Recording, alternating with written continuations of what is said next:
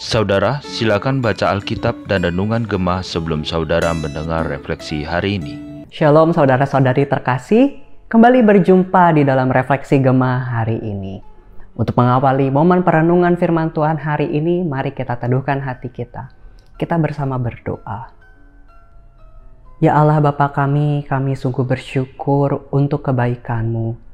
Engkau boleh memimpin kami hingga saat ini kami boleh kembali punya waktu untuk berada di hadapanmu, menikmati waktu bersama denganmu. Tuhan pimpinlah saat ini. Ketika kami akan kembali merenungkan firman-Mu, biarlah Engkau Allah Roh Kudus boleh berbicara dalam hati setiap kami. Terima kasih ya Tuhan. Dalam nama anakmu Yesus Kristus kami berdoa. Amin.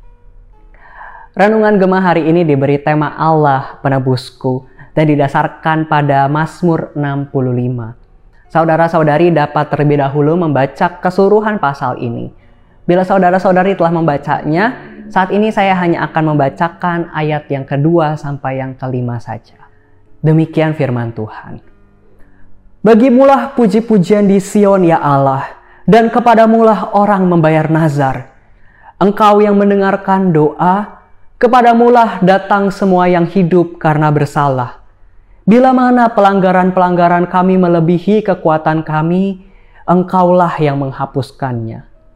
Berbahagialah orang yang engkau pilih dan yang engkau suruh mendekat untuk diam di pelataranmu. Kiranya kami menjadi kenyang dengan segala yang baik di rumahmu, di baitmu yang kudus. Sampai sedemikian jauh pembacaan firman Tuhan. Sebuah penggalan dari pujian Hanyalah Darahnya Yesus yang juga tercantum dalam KPPK 175 mengatakan Dosa dapat dihapus hanya oleh darah Yesus. Saudara-saudari, penggalan pujian tersebut menyampaikan kepada setiap kita sebuah fakta di dalam hidup ini bahwa manusia tidak mampu menghapus dosanya sendiri. Banyak orang yang berpikir bahwa mereka bisa menebus dosa mereka dengan melakukan berbagai perbuatan baik. Namun, firman Tuhan dengan jelas mengajarkan bahwa dosa hanya dapat dihapus oleh Allah. Karena dosa apa pun yang kita lakukan merupakan dosa terhadap Allah. Daud berkata di dalam Mazmur yang kita baca hari ini bahwa pelanggaran-pelanggaran mereka melebihi kekuatan mereka. Maka memang hanya Allah yang dapat menghapuskannya sebagaimana yang tertulis di ayat yang keempat. Dan di dalam Alkitab terjemahan lama Bapak Ibu Saudara disebutkan bahwa Allah mengadakan grafirat. Artinya adalah pendamaian atau penebusan bagi pelanggaran-pelanggaran itu. Daud sungguh menyadari bahwa bila dirinya dan bangsanya dapat datang ke pelataran Tuhan, membawa korban penebusan dan menikmati kebaikan dan kekudusannya, semua itu adalah anugerah yang Allah berikan kepada mereka. Allah sendiri yang terlebih dahulu berinisiatif untuk memberikan jalan penebusan bagi manusia. Dan penebusan ini akhirnya digenapi dan sempurna di dalam pengorbanan Sang Mesias yang disediakan Allah untuk menjadi korban tebusan yang sempurna bagi orang-orang percaya. Lalu saudara-saudari terkasih, bagaimana saat ini saudara memahami penebusan yang Allah berikan bagi kita, yang kepadanya kita percaya itu?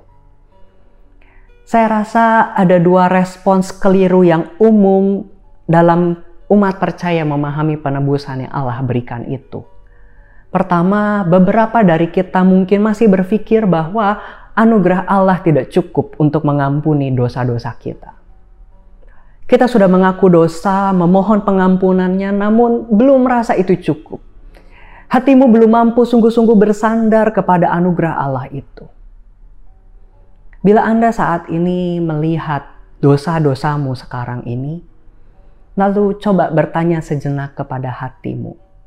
Layakkah saya masuk ke dalam surga nanti. Apa respons dari hatimu yang paling pertama ketika menanyakan pertanyaan tersebut? Mana yang paling pertama engkau lihat? Banyaknya dosamu atau besarnya anugerah penebusan dari Tuhan itu? Yang kedua, di ekstrim yang lain, umat percaya mudah sekali menganggap murah dan enteng pengorbanan dan penebusan dari Kristus itu.